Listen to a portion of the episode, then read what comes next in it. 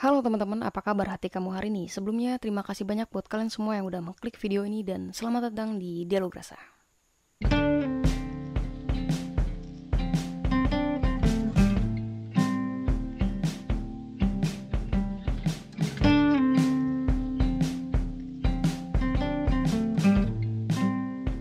Halo buat kalian semua yang lagi dengerin di Spotify sama di Anchor FM.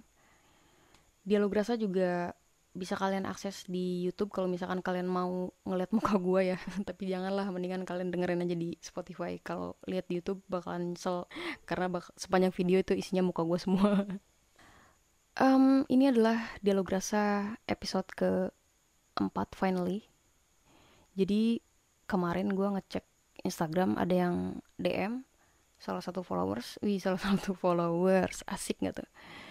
Jadi intinya um, orang ini cerita, peng pengen cerita ke gue, katanya dia pernah ditinggalin sama pacarnya pas dia lagi sakit. Sakitnya itu lumayan parah katanya, sekitar tiga bulan lebih dia sakit dan ternyata pacarnya ninggalin dia gitu aja. Kenapa ya? Coba kita telepon langsung aja orangnya, oke? Okay? Kita telepon orangnya. Halo, Mas.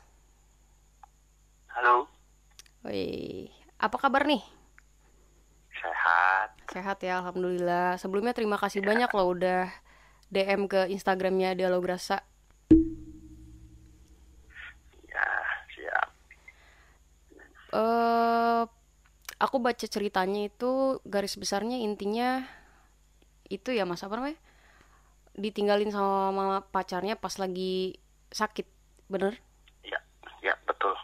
Waduh gimana tuh mas ceritanya kok agak miris ya Maksudnya lagi sakit kok ditinggalin sama pacarnya Padahal kan lagi apa namanya lagi butuh-butuhnya support kan Ya, betul.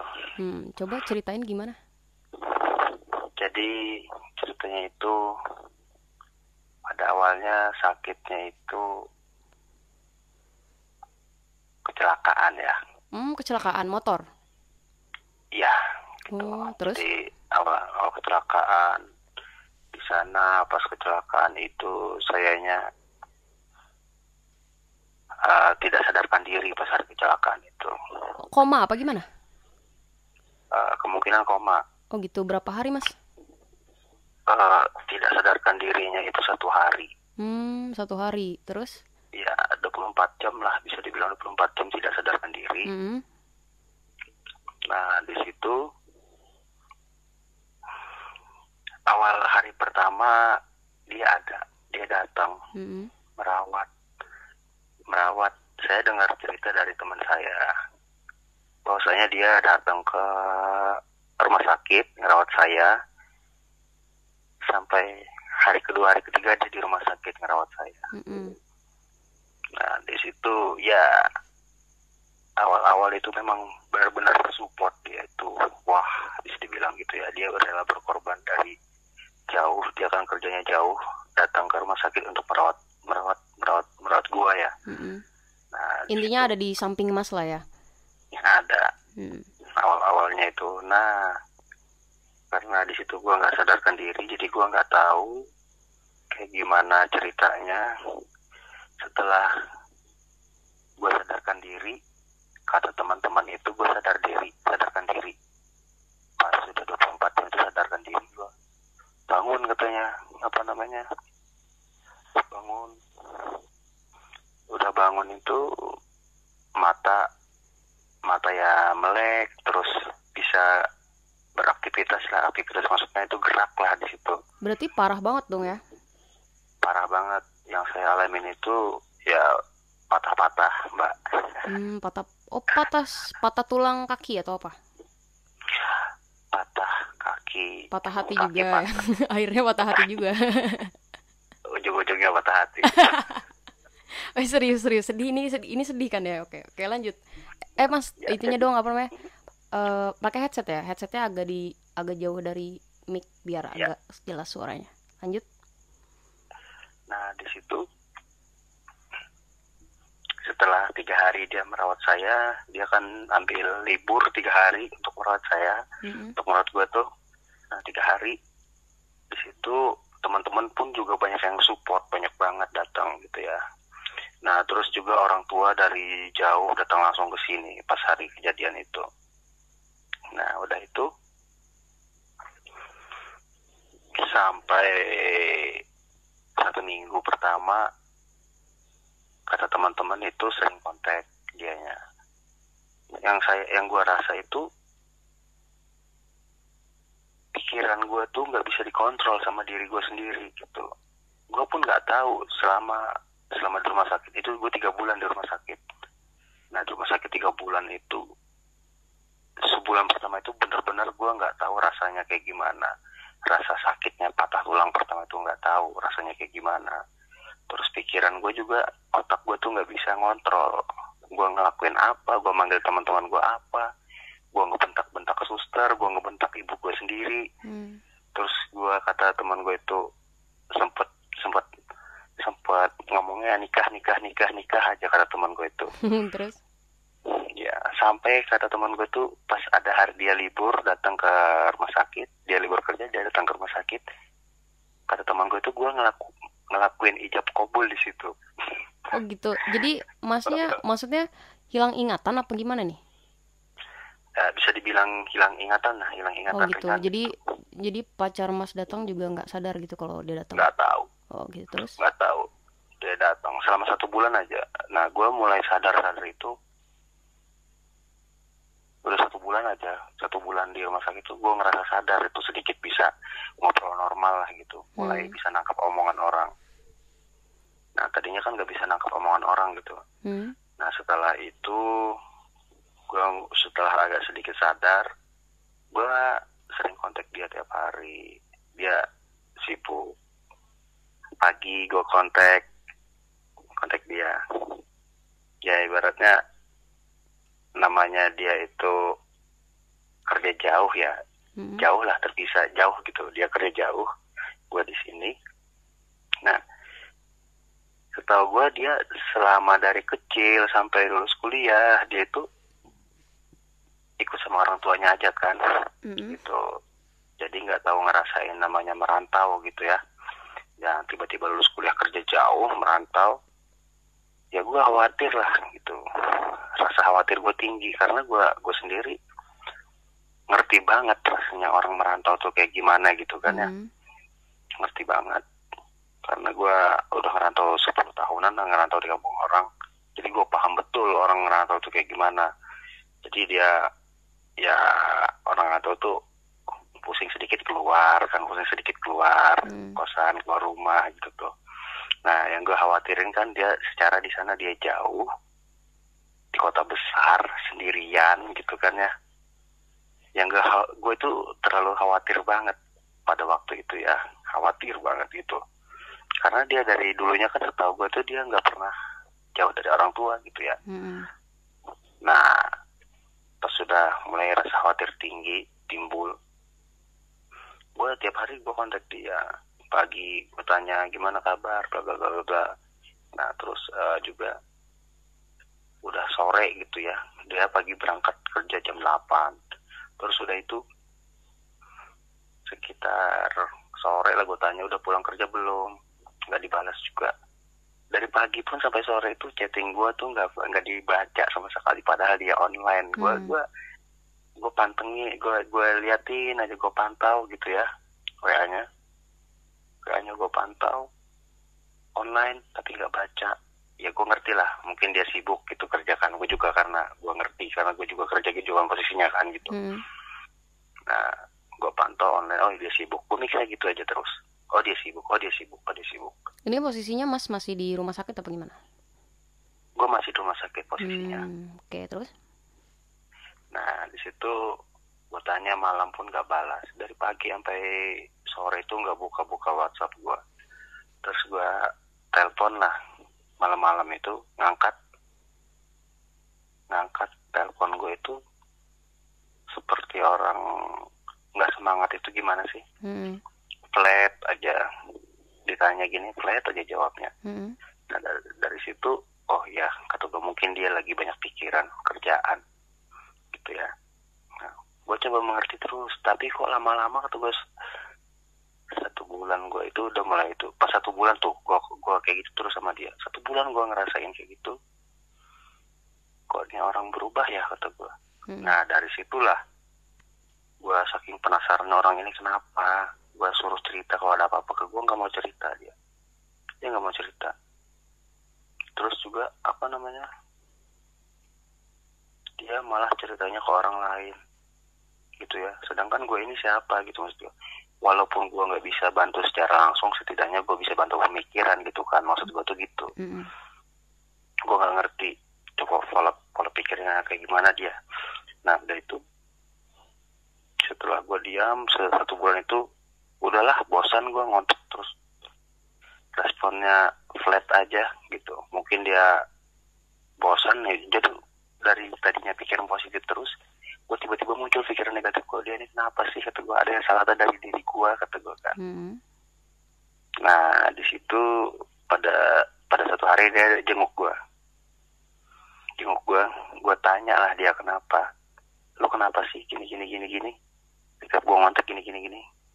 Yang gue butuhin itu bukan lu harus datang ke sini. Cukup support lu dari jauh gua udah sangat sangat berarti banget, sangat senang banget gitu ya. Yap. Ya, karena orang sakit itu kan yang paling penting itu butuh support banget gitu dari orang-orang sekitarnya gitu kan. Nah, nah udah itu dia jawab pada waktu itu ntar gue inget dulu kalau nggak salah dia jawabnya gini ya bosan gue katanya ngomong gitu Jawabnya bosan bosan. Bosan bosan gue di kontakin gini bentar di kontak bentar di kontak nah, Oh jadi dia intinya pun kayak ngerasa di apa namanya? Dikekang gitu ya tiap tiap detik di kontakin mulu. iya Oke, terus. karena karena kan gue ngerasa gimana ya gue khawatir sama dia di sana gitu salah tak gue khawatir sama dia gitu ya Yap. nggak nggak salah kan sebenarnya gue khawatir sama dia gitu nah udah gue kontak itu gue gue obrolin sama dia kayak gitu dia bosan kata dia gini gini. Ya udah udah dari situ gue mulai nggak kontak dia. Kalau dia ngontek gue baru gue kontak gue diamin pertama satu minggu nggak ngontek sama sekali loh. Nggak ngontek sama sekali. Sudah nggak ngontek sama sekali baru gue tanya sesibuk itukah? kata gue tuh setahu gue manusia zaman sekarang ini sesibuk-sibuknya manusia masih bisa snapgram kata Iya. gue karena gue per- Heeh, karena gue perhatiin terus dia dia bikin snapgram lah gini-gini gitu. Tapi buat ngontek gue aja apa susahnya sih sebenarnya? Apa harus gue lagi yang ngontek kata gue toh dia bosan gue kontak terus ya gue diamin kan Hmm, hmm, hmm. gue diamin terus ya gue diamin nah pada suatu ketika gue saking penasarannya ya gue saking penasarannya bener-bener penasaran banget nih orang kenapa sih ada apa kata gue ada apa orang ini sama, sama gue kata gue dia ada permasalahan apa kata gue saking penasarannya. Mulailah gue akses handphone dia. Gue bisa akses handphone dia. Hmm. karena gue saking penasaran. Gue akses handphone dia. Ternyata dari situ gue tahu kenapa dia begitu gitu ya dia memang bener banyak kerjaan banyak tekanan ngerti gue juga. Di situ. Tapi yang ada satu sisi yang gue kecewa ya eh, selama dia kerja di sana dia semakin tertutup gitu ya sama Hmm. gue semakin tertutup. Pas dia kerja jauh gitu tertutup ternyata dia di sana sering main setiap ya sering main aja pokoknya sama teman-temannya. Tapi dia nggak pernah ngomong ke gua gitu. Setidaknya menghargailah sama gua gua ini siapa? gitu kan Hmm. maksud gua tuh gitu. Kalau gua pun jujur aja gua nggak pernah ngelarang dia mau ke mana sama siapa. Yang penting gua tahu dia ke mana sama siapa berangkatnya. Udah segitu dong simpel gua nggak pernah Oke. ngelarang dia mau ke mana pun pas dia sudah mulai kerja di sana dia nggak nggak terbuka lagi nggak seperti dulu lagi gitu ya. Hmm. jadi dia ke mana-kemana langsung berangkat berangkat aja. Kayak nggak menghargai gue gitu. Nah di situ gue tanya lah lagi di mana? kata gue ketahuan gue bohong di situ dia. Padahal gue lihat dia lagi di luar aja. Dia ngomong lagi di kosan atau dia lagi ngerjain kerjaan. Gue lihat posisi dia itu lagi di luar gitu ya. Mm-mm. oh ya udah kata gue semangat kata gue gituin aja. Nah dari situ udah bener-bener bikin gue kecewa gitu. Kecewa banget pokoknya. Yang tadinya gue pun di gue pada saat kerja jujur aja banyak banyak banget gitu ya. Anak buah gue yang ngajak gue keluar ngajak gue main perempuan-perempuan tuh. Banyak banget. Cuman gue tolak semua karena apa? Karena gue menghargai pasangan gue gitu ya. Hmm. Eh dan ternyata dia di sana. Hari itu gue gua cek lokasinya dia lagi nonton. Aduh kata gue dia lagi nonton sama teman kerjanya. Gue gue tahu itu teman kerja tapi setidaknya gue ngerasa nggak berharga di di mata dia gitu ya. Hmm. karena dia berang- pergi itu tanpa sepengetahuan gue yang gue butuh itu kan cuman tahu doang udah gitu loh. Gue tuh nggak ngarang gitu kan dia pergi sama temennya cowok gitu ya. Sakit gue di situ. Karena gue selama sama dia gue nggak pernah main sama anak main sama perempuan lain gitu ya. Nggak pernah gue apa nonton atau makan bareng sama perempuan lain nggak pernah gue karena menjaga gue kan ya menjaga perasaan dia. Dan dari situ gue langsung wah kata gue tega amat ini orang kata gue nah udah dari situ mulailah gue belajar dari situ oh iya kata gue gue terlalu berharap banyak kata gue tadinya pun sebelum gue kecelakaan itu gue sudah pernah ngomong ke dia bahwa bulan April 2019 gue bakal nikahin lo Hmm. Bulan April bulan ini dong aturan. Bulan ini harusnya. Harusnya oke terus? Ya gue udah pernah bilang seperti itu. Jadi dia pada waktu itu dari situlah dari yang kejadian-kejadian yang udah gue alamin itu perubahan dia gitu ya gue mulai benar-benar berpikir dua kali untuk nikahin dia. Karena terlihat lah gitu ya gue posisi sakit ini nih sakit dia bisa kayak gitu tuh. Gue butuh support dia nggak ada kata gue butuh Hmm. support gue sebenarnya. Cukup apa kabar hari ini? Cukup gitu aja sudah seneng banget gue merasanya gitu pas posisi gue sakit itu ya ternyata ya nyatanya begitu. Dia di luar sana bisa seneng lah Hmm. dengan dunia dia. Gue ngerti kalau dia begitu tuh maksudnya melepaskan penat pekerjaan dia gitu. Gue juga ngerti di situ. Ya setidaknya kan menghargai lah gitu sama gue Iya. siapa gitu. Gue tadinya berharap besar untuk nikahin dia tahun ini gitu 2019 ternyata. Di situ jong Selama sakit itu, selama dia berubah, ada kemungkinan dia deket sama cowok lain? gue perhatiin sih ada waktu itu. Hmm. tapi mungkin itu teman kerjanya ya. Itu pun gue sempet cemburu lah ya. Gitu ya cemburu gue dari si sikap dia kayak gitu. Nah ya sudah gue pas datang ke rumah dia itu gue ambil langkah langsung gitu gue gue bakal berubah merubah hidup gue semua. Dari situ gue pada saat itu datang ke rumah dia. Gue ketemu orang tuanya. Setelah ketemu orang tua ketua orang orang tuanya ketemu dia. Di situ gue ungkapkan kalau gue benar-benar pengen berubah jadi lebih baik. Mungkin kata gue kita sampai di sini aja kata gue gue yang ambil keputusan. Oh, Jadi Karena masnya gua- yang yang putusin? ya karena gue udah gak kuat lagi nahan sikap dia kayak gitu ya. Gue harus berbuat apa gitu. Gue Hmm. tanya dia nggak jawab. Gue gue tanya berubah kenapa dia begitu dia nggak jawab gitu. Kan bingung guanya. Ya udah gue ambil langkah kayak gitu. Udah gue nggak tahan gitu gue udah mah udah fisik sakit batin Juga sakit? nggak karuan iya nggak karuan kayak gitu kan pada saat posisi sakit gitu ya ya udah gue ambil langkah itu ya segitulah mungkin ya Uh, menarik juga ya. Jadi eh, kita flashback lagi. Jadi masnya sempat kecelakaan dan sempat nggak bisa jalan ya mas ya? Ya. Sempat eh, hilang ingatan juga beberapa bulan ada sebulan ada ya Uh, dan terus tiba-tiba ceweknya berubah em, Ya.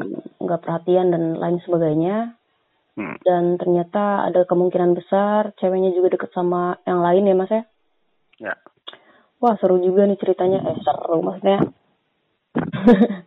maksudnya Menyedihkan. menyedihkan gitu ya udah udah patah tulang patah hati pula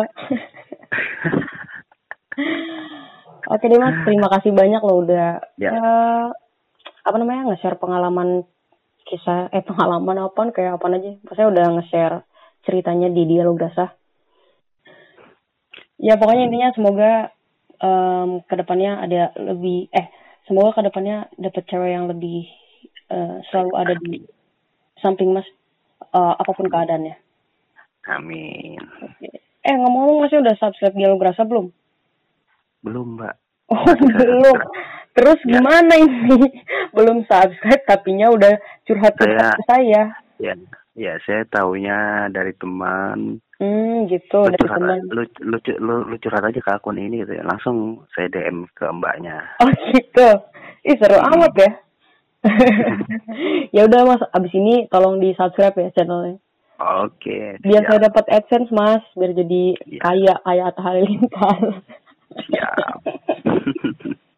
Oke mas terima kasih banyak ya ini mau Iya. di itu ya mau di sensor namanya sensor aja nama oke saya siap nanti saya sensor ya oke mas Ya. terima kasih banyak ya ya bye sama-sama Bu. bye Ah, menarik juga ya teman-teman ceritanya. Kita doain semoga Mas yang tadi menemukan jodoh yang terbaik ya. Em, em, buat kalian juga yang pengen curhat tapi nggak mau identitasnya dikasih tahu, bisa kita ganti kok namanya jadi Mr. X atau Mrs. X atau Mawar atau Melati atau apa pun itu. Pokoknya intinya identitas kalian aman. Kalau misalkan kalian nggak mau di publish nama aslinya ya. Jadi silakan di DM kalau misalkan mau curhat di Instagramnya @dialogdasaofficial, oke? Nanti gue telepon. Oke teman-teman, terima kasih banyak buat kalian semua yang udah nonton dari awal sampai akhir. Jangan lupa juga di subscribe ya. Tuh ada tombol merah di sebelah kanan. Sebelah kanan apa sebelah kiri kalau lihat di handphone. Nah terus diklik dah tuh tombol merahnya. Terus nanti ada keluar lonceng juga diklik loncengnya. Terus nanti ada apa namanya emoticon jempol diklik jempolnya yang ke atas tapi bukan yang ke bawah oke teman-teman terima kasih banyak sekali lagi buat kalian yang dengerin di Spotify juga terima kasih banyak di Anchor FM juga terima kasih banyak sampai jumpa di dialog rasa episode ke-5 bye bye